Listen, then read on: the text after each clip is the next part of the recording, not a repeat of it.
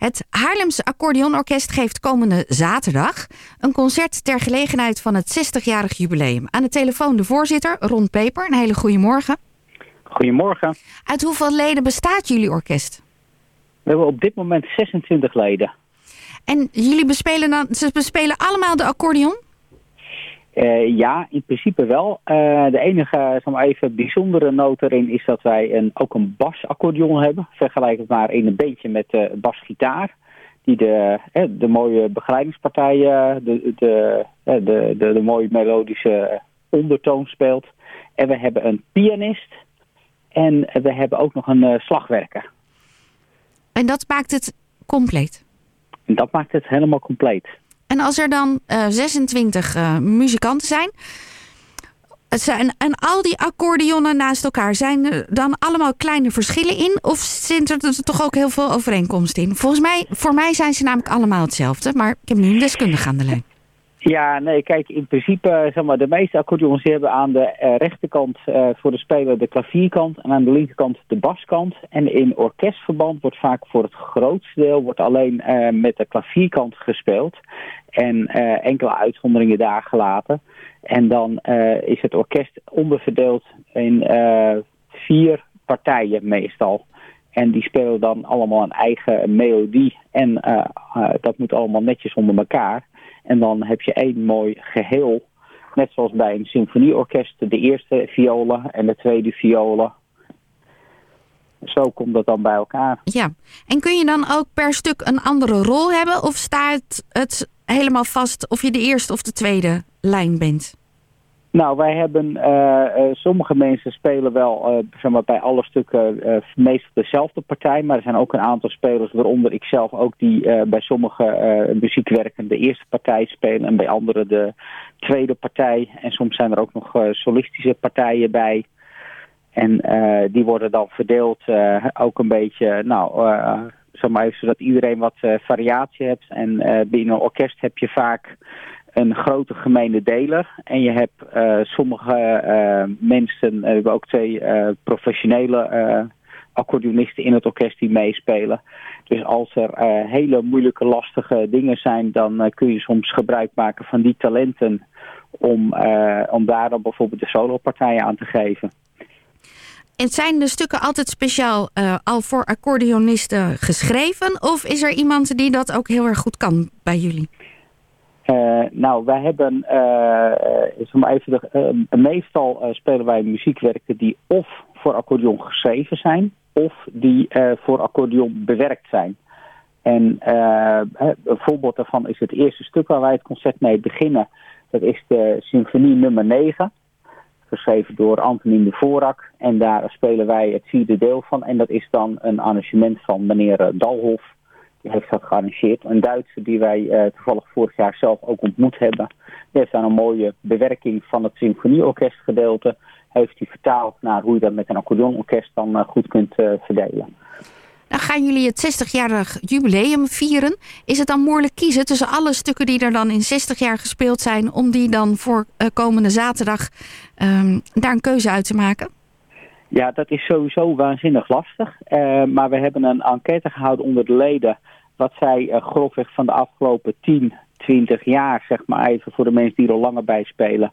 wat zij de muzikale hoogtepunten vonden. En uh, we hebben daar een, mix gemaakt met ook muziek die we nieuw of recent op het repertoire hebben gezet. Want we willen natuurlijk niet alleen maar een ja, wat zou ik zeggen, een stukje geschiedenisles doen met oude, oude muziek. Dus we hebben daar een mooie mix uh, voor samengesteld. Zaten er nog verrassingen tussen dat jullie dachten... oh, is goed dat we het gevraagd hebben... want die waren we misschien anders wel vergeten? Uh, nee, om eerlijk te zijn uh, niet. Het enige is dat je ziet dat, zeg maar even, dat je misschien wel, als je alles zou willen doen, dat je dan 2,5 of 3 uur muziek hebt. Omdat er een, een, grote gemene deel is dat sommige leden, nou goed, de, de top 10 zeg maar allemaal mooi vinden. En je dan toch ook weer, een, wat ik net zei, een evenwichtig programma wil ja. maken. Waarbij we, nou, we ook uh, aandacht besteden aan uh, de hedendaagse tijd. En niet alles wat we tien of twintig jaar geleden gedaan hebben. Nee, nee heel goed. Ehm, nou, als ik uh, mensen van een koor aan de telefoon heb, dan zijn ze bijvoorbeeld altijd op zoek naar um, bassen of tenoren. In ieder geval naar mannen. Mannenstemmen. Is dat bij jullie uh, orkest, is er genoeg aanwas? Of zijn jullie ook altijd nog wel op zoek naar nieuwe muzikanten? Nou, wij zijn in principe staan altijd open voor nieuwe muzikanten. en wij hebben op dit moment hebben wij een groot voorrecht dat de dirigent Evert van Amsterdam tevens muziekdocent voor accordeon is aan Muziekcentrum Hart Haarlem. En dat wij uh, op die uh, manier ook uh, regelmatig wat nieuwe aanwas krijgen van leerlingen die bijvoorbeeld begonnen zijn in het leerlingenorkest R en Tune bij hem. daarna doorgegroeid zijn, zich verder ontwikkeld hebben en dan in de Kennemer accordeongroep gespeeld hebben. En op een gegeven moment dan eigenlijk nog iets meer muzikale uitdaging kunnen gebruiken. en dan bij het Haarlems accordeonorkest binnenstromen. Nou, dat is duidelijk. Um, ik hoorde eh, de naam eh, Amsterdam. Dus uh, dat uh, geeft misschien ook aan. Want jullie hebben nog twee gastspelers uitgenodigd. Dat klopt. Wij hebben twee muziekstukken ook uitgezocht. waar we in, en dat is dus wel uit de afgelopen vijf, zes jaar. Dat wij met Vincent van Amsterdam het muziekstuk La Campanella van Rudolf Wütner Rudolf Hübner heeft altijd, uh, zeg maar, dus iemand die oorspronkelijk voor accordeon geschreven heeft. En uh, dat is een mooi, uh, ja, spetterend, virtueuze muziekstuk om samen met hem te spelen. Vincent van Amsterdam, de zoon van onze dirigent. Uh, cum laude afgestudeerd op het conservatorium. En zijn dochter is ook heel talentvol, maar dan met de viool. En daar spelen we de Zigeunerwijze mee. met haar als soliste. En ze zullen ook nog een stukje van het programma een uh, intermezzo geven als uh, duo. Dan is, zijn, uh, is de kaartverkoop begonnen voor mensen die graag dit concert willen beluisteren en bewonderen. Waar kunnen ze kaartjes kopen?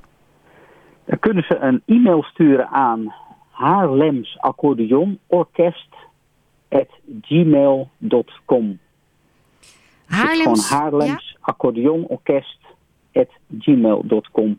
En hoeveel... ook nog even op de website kijken, eventueel daar staat het e-mailadres ook. Gewoon even googlen op de Haarlems Orkest. En dan vinden we alle informatie. ja. Het concert vindt plaats in de Frankenstraat nummer 24. De zaal gaat open om half acht en het concert begint om acht uur op zaterdag.